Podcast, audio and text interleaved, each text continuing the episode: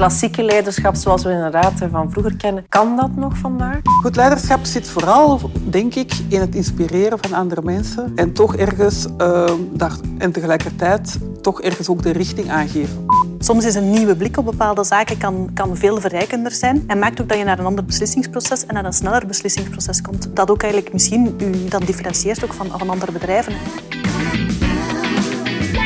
U luistert naar de HR Magazine podcast. Een bekende journalist interviewt twee experts over een actueel HR-thema. Ze geven hun visie op de toekomst. Uw gastvrouw is Liesbeth Imbo. Welkom bij deze Studio HR, naar aanleiding van Internationale Vrouwendag. We gaan het niet de hele tijd hebben over hoe geweldig vrouwen zijn. We hebben gewoon twee geweldige vrouwen uitgenodigd. Leek ons veel handiger.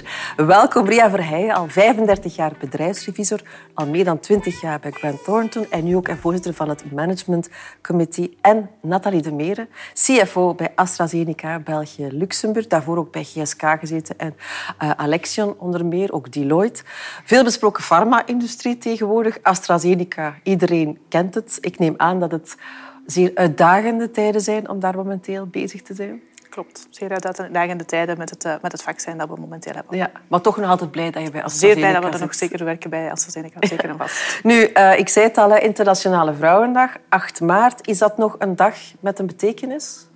Zeker en vast in onze organisatie, omdat Grant Thornton elk jaar een studie doet naar de positie van de vrouw in het senior management van uh, middelgrote bedrijven. En dat wereldwijd.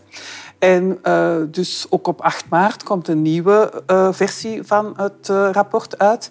En in dat verslag gaat blijken dat er een percentage bereikt is van 31 procent vrouwen in senior management, op senior management niveau in die middelgrote bedrijven. Dus bijna een derde.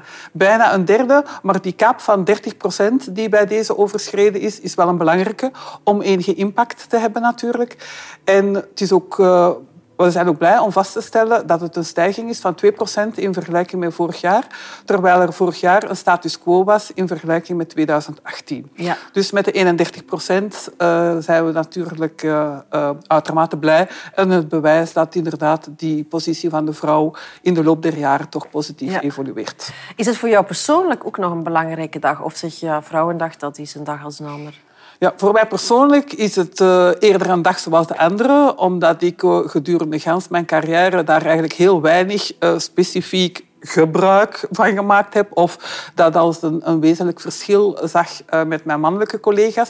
Dus ik zelf heb daar niet uh, echt tegen moeten vechten of echt, niet echt bepaald specifiek andere zaken voor moeten doen dan, de andere collega's moesten doen. Dus voor mij persoonlijk minder uh, van belang. Maar inderdaad, op het vlak, op wereldvlak is het wel natuurlijk belangrijk dat, dat die positie van de vrouw natuurlijk ja. verbetert. Is dat iets waar jij af en toe nog bij stilstaat?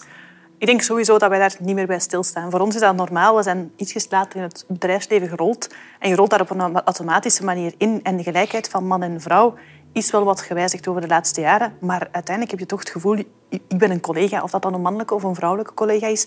We kijken naar dezelfde zaken, we doen hetzelfde soort werk. En zit jij in een, ook in een bedrijf dat daar aandacht voor heeft? Of is het toch nog vooral een mannenwereld? Nee, het is helemaal geen mannenwereld. Dus wij merken ook bijvoorbeeld op onze lokale organisatie, in het managementteam zitten er ook meer vrouwen als, als mannen. Dus daar merken we dus ook uh, dat er daar ook een mooie balans, uh, balans zit. Ook in de organisatie zelf uh, gaan we dus uiteindelijk naar een, een heel mooie balans tussen een, een genderbalans, maar ook balansen op, op andere diversiteitstopics. Maar jij zegt, Ria, die 30 procent, dat is wel belangrijk om impact te gaan hebben. Inderdaad, is dat nu een soort tipping point voor jou? Volgens je? Ik denk toch wel, omdat uh, ja, er is natuurlijk niet zoiets als een harde grens of uh, die echt een bepaald percentage vanaf wanneer dat die invloed toeneemt. Maar met 30 procent is het toch al een wezenlijk aandeel natuurlijk. En dat zonder quota? En dat zonder quota. En ik zelf ben ook helemaal geen voorstander van uh, quota, omdat het natuurlijk frustrerend is als iemand een bepaalde positie verwerft omdat ze vrouw is. Hè. Het is juist natuurlijk toch op basis van capaciteiten dat maar in de politiek heeft het geholpen, hè? In de politiek heeft het geholpen en ook in de beursgenoteerde vennootschappen zijn er ook quota natuurlijk voor wat betreft samenstelling ja. van de raden van bestuur. Heeft ook geholpen, maar ik hoop dat we die fase toch al een beetje voorbij zijn. Ja. Heb jij er ooit aan gedacht van misschien zou dat toch wel goed zijn, quota? Dat zal de boel versnellen. Dan zaten we misschien al een paar jaar geleden aan die 30 procent. Maar ik denk, zoals Ria heel mooi aangeeft, ook van als het is, we promoten een vrouw omdat het een vrouw is, hoe ga je dan kwaliteit en hoe ga je dan uiteindelijk je mannetje gaan staan uiteindelijk in, in de wereld zelf en, en maken dat, dat je gezien wordt als een volwaardige persoon. Op dat moment is het gewoon een quota dat, dat je gaat proberen te bereiken in plaats van eigenlijk op kwaliteit en eigenlijk op die positie terecht te komen. Dus als ja, als jongere generatie, laten we zeggen, hebben we daar eigenlijk nooit volledig bij, bij stilgestaan, denk ik. En het is eigenlijk, voor ons is het een logische stap geweest uh, en, en leek het allemaal zeer logisch op dat moment. Maar is het wel iets waar jullie allebei bewust van zijn? Want men zegt wel eens vaak, hè, mannen steken sneller hun vinger op als er posities vrijkomen in een bedrijf, dat mannen zich rapper geroepen voelen. Dat jullie daar ook voor hadden om ook inderdaad misschien aan vrouwen het signaal te geven van dit is misschien ook wel iets, iets voor jullie?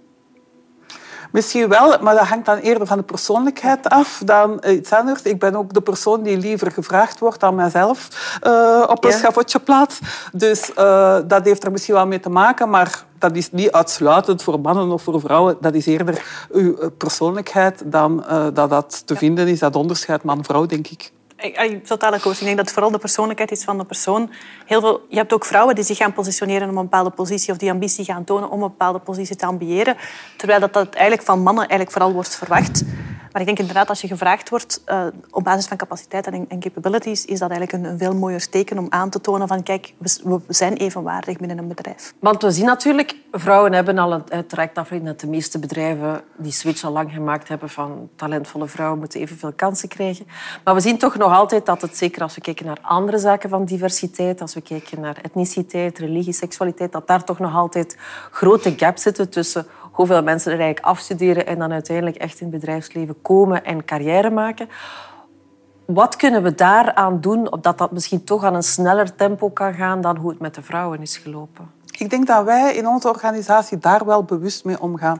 Eerder het dan het onderscheid man-vrouw is het eigenlijk vooral uh, focus op diversiteit. En diversiteit is in onze organisatie uh, op verschillende domeinen, maar heeft ook te maken met het feit Franstalige en Nederlandstalige. Want we zijn als organisatie over gans België uh, verspreid, maar traditioneel nogal sterk vanuit Vlaanderen qua historiek, waardoor dat we er bewust ook voor gekozen hebben om te zorgen dat in het managementcomité, in de diverse organen, die balans Nederlandstalig-Franstalig is.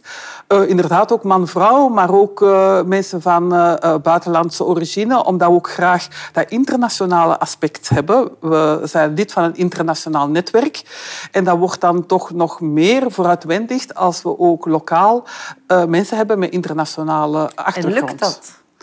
Uh, dat lukt relatief goed, maar wij zitten ook in een omgeving waar kennis natuurlijk uh, belangrijk is. Uh, wij zijn traditioneel een accountant, revisoren, kantoor en consultingorganisatie, waar dat in feite een grote meerderheid van de mensen universitair diploma hebben, uh, waardoor dat we toch al anders vertrekken dan in een organisatie waar er mensen zijn met verschillende achtergronden. Dus wij hebben wat dat betreft nogal een populatie die een relatief gelijkaardige achtergrond hebben. Ja. En hoe zit het bij jullie aan diversiteit?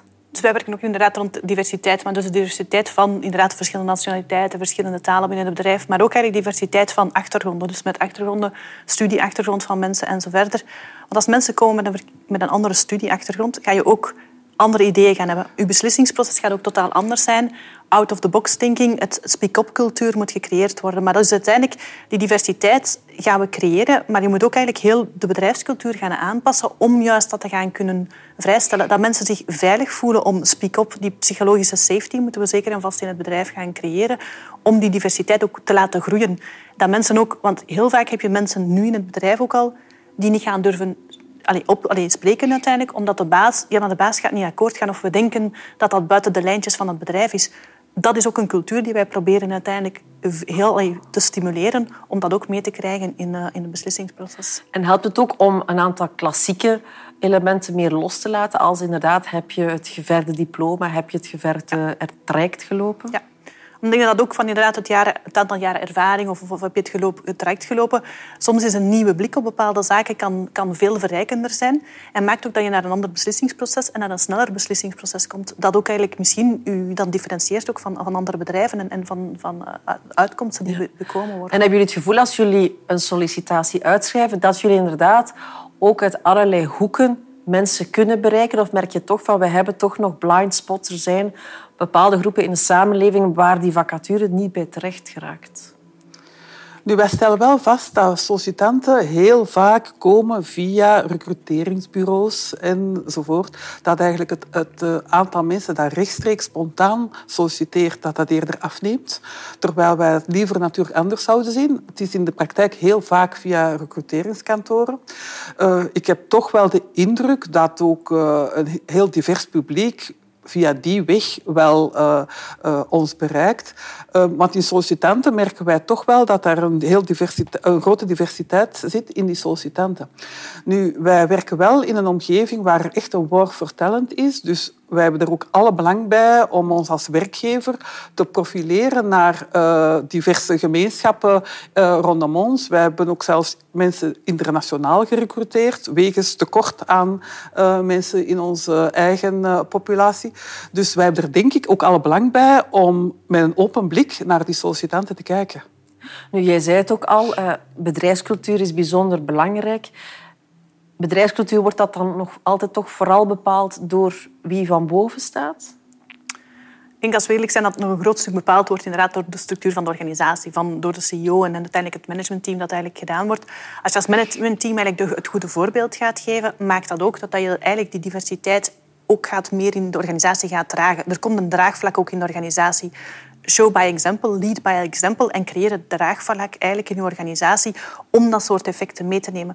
Als, jullie, als, als wij als managementteam inderdaad discussies durven aangaan en durven zeggen van oké, okay, we hebben daarover gediscussieerd, we komen met een heel creatieve nieuwe oplossing, dat mensen zeggen van oh, als we durven ook diversiteit in een managementteam gaan creëren, denk ik dat dat ook een, een, de toon zet eigenlijk naar de organisatie en het dan ook gemakkelijker is om dat verder te laten uitrollen in, in de organisatie zelf. Want leiderschap, daar is hè, veel rond te doen. Vroeger had je het klassieke beeld hè, van de CEO die, die wist, ja, die richting gaan we uit. Meer en meer hoor je van ja, een CEO en eh, alles daar rond. Hè, al de managers die moeten meer coaches zijn. Um, ja, je zal al allerlei profielen hebben zien passeren de afgelopen 35 jaar, neem ik aan. Wat is voor jou goed leiderschap? Goed leiderschap zit vooral denk ik, in het inspireren van andere mensen en toch ergens uh, daar, en tegelijkertijd toch ergens ook de richting aangeven. Want mensen kijken toch ook altijd naar het leiderschap, ergens die uh, in de zin van een voorbeeldfunctie, de dingen benoemen, de zaken telkens opnieuw aankaarten om ervoor te zorgen dat de zaken uh, in de organisatie doordringen. En inderdaad, er moet een, het, moet, het beeld moet kloppen in die zin, wat er wordt gezegd moet ook moet je ook uitstralen. Dus in feite is het uw persoonlijkheid in zijn totaliteit die daar wel uh, belangrijk in is. Maar de tijd natuurlijk dat dat uh, een uh, centraal dictatuur was, die is natuurlijk ondertussen helemaal voorbij.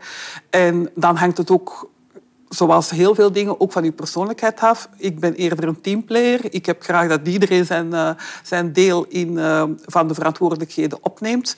En daar is het dan ook ergens een kwestie van dat consequent doen en uh, een voorbeeldfunctie toch ergens opnemen. Ja, het klassieke leiderschap zoals we inderdaad van vroeger kennen, kan dat nog vandaag? Maar in het klassieke leiderschap er zijn verschillende zaken. Ik denk dat heel, heel, helemaal in het begin werd gezegd dat er vrouwelijk en mannelijk leiderschap was. Ik denk dat daar nu eigenlijk dat dan in elkaar begint over te vloeien. Ik denk dat zowel de soft skills als, als bijna de hard skills, dat we verwachten dat vrouwen en mannen eigenlijk dezelfde items gaan overnemen en dat er eigenlijk een kruisbestuiving begint plaats te vinden de, de well-being side en, en de, de soft side van de vrouwen uiteindelijk, met iedereen, iedereen coachen en zo verder. Aan de ene kant wordt ook door mannen even hard gedragen momenteel als doordat de vrouwen. Aan de andere kant het harde negotiatiewerk, het harde werken en zo verder, dat heel vaak aan de man uiteindelijk en de machtspositie heel vaak aan de man werd gelinkt in het verleden, zien we ook dat meer naar het midden aan het komen is en dat vrouwen dat eigenlijk ook oppakken. Dus je krijgt een meer balanced leadership, waar ik denk dat sowieso de soft en de hard skills meer in evenwicht beginnen te komen op dit moment. Uh, en waar we samen eigenlijk werken aan, aan een leiderschap in, in teamverband met empowerment naar, eh, naar mensen toe. En wordt er soms niet te veel nadruk gelegd op inderdaad dat die soft skills... Uh, ik hoor wel eens van, van mensen zeggen, zeker in deze coronatijden...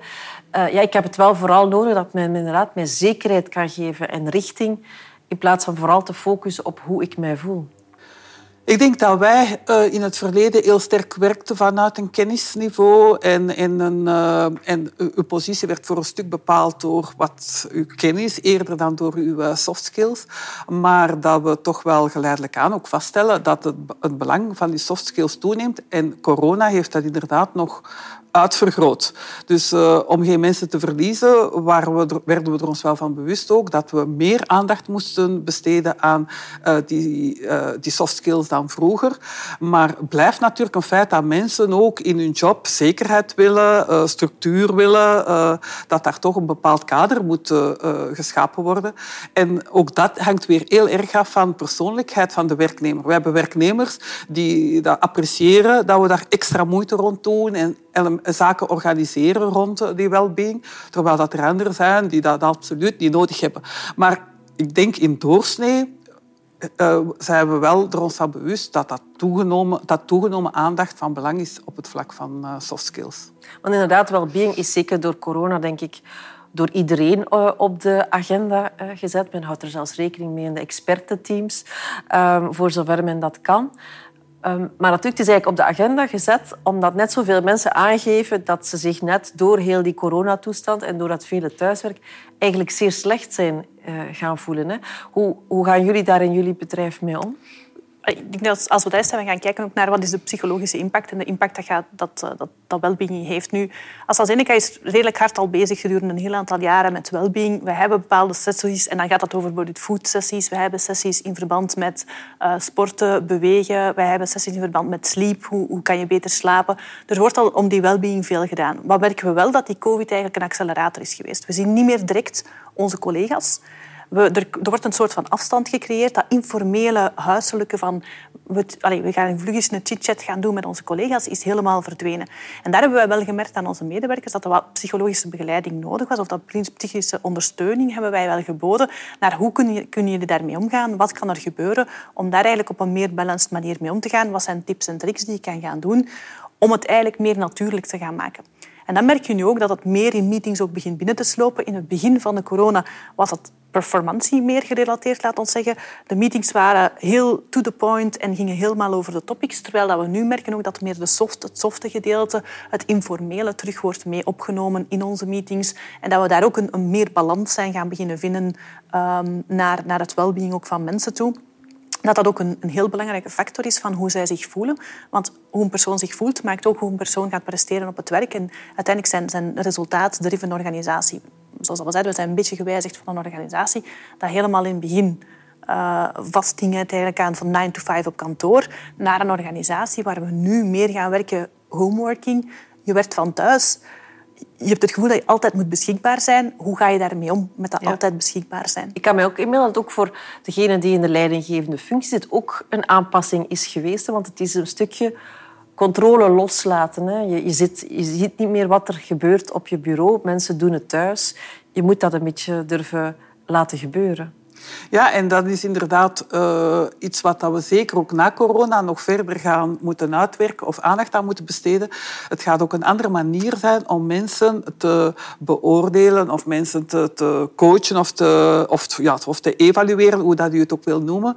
Omdat het inderdaad gaat van een uh, prestatie. We zijn een heel sterk prestatiegedreven organisatie. En waar dat het eerder het meten moet zijn van output dan het meten van uh, input in de zin van aantal uren, beschikbaarheid enzovoort. Nu, ehm, ik denk wel dat we daar uh, al bepaalde stappen in hebben gezet, maar daar is ook nog wel een uitdaging op dat, op dat vlak. Maar vind je het op zich wel eigenlijk ook iets goeds wat er nu aan het gebeuren is op dat vlak, dat we inderdaad meer naar de bigger picture kijken in plaats van Nancy is elke dag wel schoon op tijd op kantoor, dus het zal wel een goede zijn. Ja, ik denk het wel. Dat dat een van de positieve elementen is van het feit daar eens mee geconfronteerd te worden. En dat we inderdaad een van de lessons learned zal in ieder geval ook op dat terrein of op dat vlak eh, te vinden zijn. Nu, well-being is belangrijk en het durven uiten en eventuele psychologische hulp durven inschakelen. Is het wel nog iets dat um, jouw carrière kan schaden? Ik, bedoel, ik las ergens in een krant, mensen die een burn-out gehad hebben, maken wel minder kans bij de volgende promotie, omdat dat toch ergens op hen kleeft. Maar als we juist gaan zeggen dat we naar well-being gaan kijken en gaan kijken hoe mensen zich ontwikkelen binnen een organisatie, Mensen kunnen moeilijke periodes hebben in het leven. Er kunnen bepaalde periodes zijn dat je, dat je het echt moeilijk hebt of dat er een burn-out is geweest. Waarom zouden we die mensen dan geen kansen meer gaan geven? Ik denk dat we die ooglappen die we hebben, die we die even moeten laten afvallen. En dus inderdaad, als we naar die diversiteit gaan en de, allez, alles, de inclusie en diversiteit volledig willen gaan opnemen, dan moeten we mensen ook kansen gaan blijven geven. En het kan zijn dat een persoon een burn-out hebben gehad voor bepaalde redenen die weg zijn nadat ze terugkomen van een burn-out. Waarom zouden we ze dan beperken om, om verder te groeien in een organisatie? Ja vergt natuurlijk een matuur leiderschap. Hè, dat ja, maar in een omgeving waar uh, het heel belangrijk is van de juiste talenten aan te trekken, moeten we wel aan iedereen aandacht besteden en kunnen we ons absoluut niet permitteren om mensen te laten vallen omdat er ergens in hun uh, privé of, of in hun werk gerelateerd, in feite in hun persoonlijk leven, als ik het zo mag zeggen, dat daar hiccups zijn of waardoor mensen uh, een bepaalde tijd een andere focus hebben. Dus we hebben er alle belang bij om die talenten op te pikken als die in onze organisatie aanwezig zijn. Ja, absoluut. En ja, staat haar ook absoluut een, belangrijke nieuwe periode te wachten. Want tegen dat de zomer er is, zal er een extra Nathalie of wie dan ook bijgekomen zijn. maar ik u er alles is ook veel proficiat en geluk mee wensen. Dank je wel. En Ria, ook hartelijk dank om hier te zijn.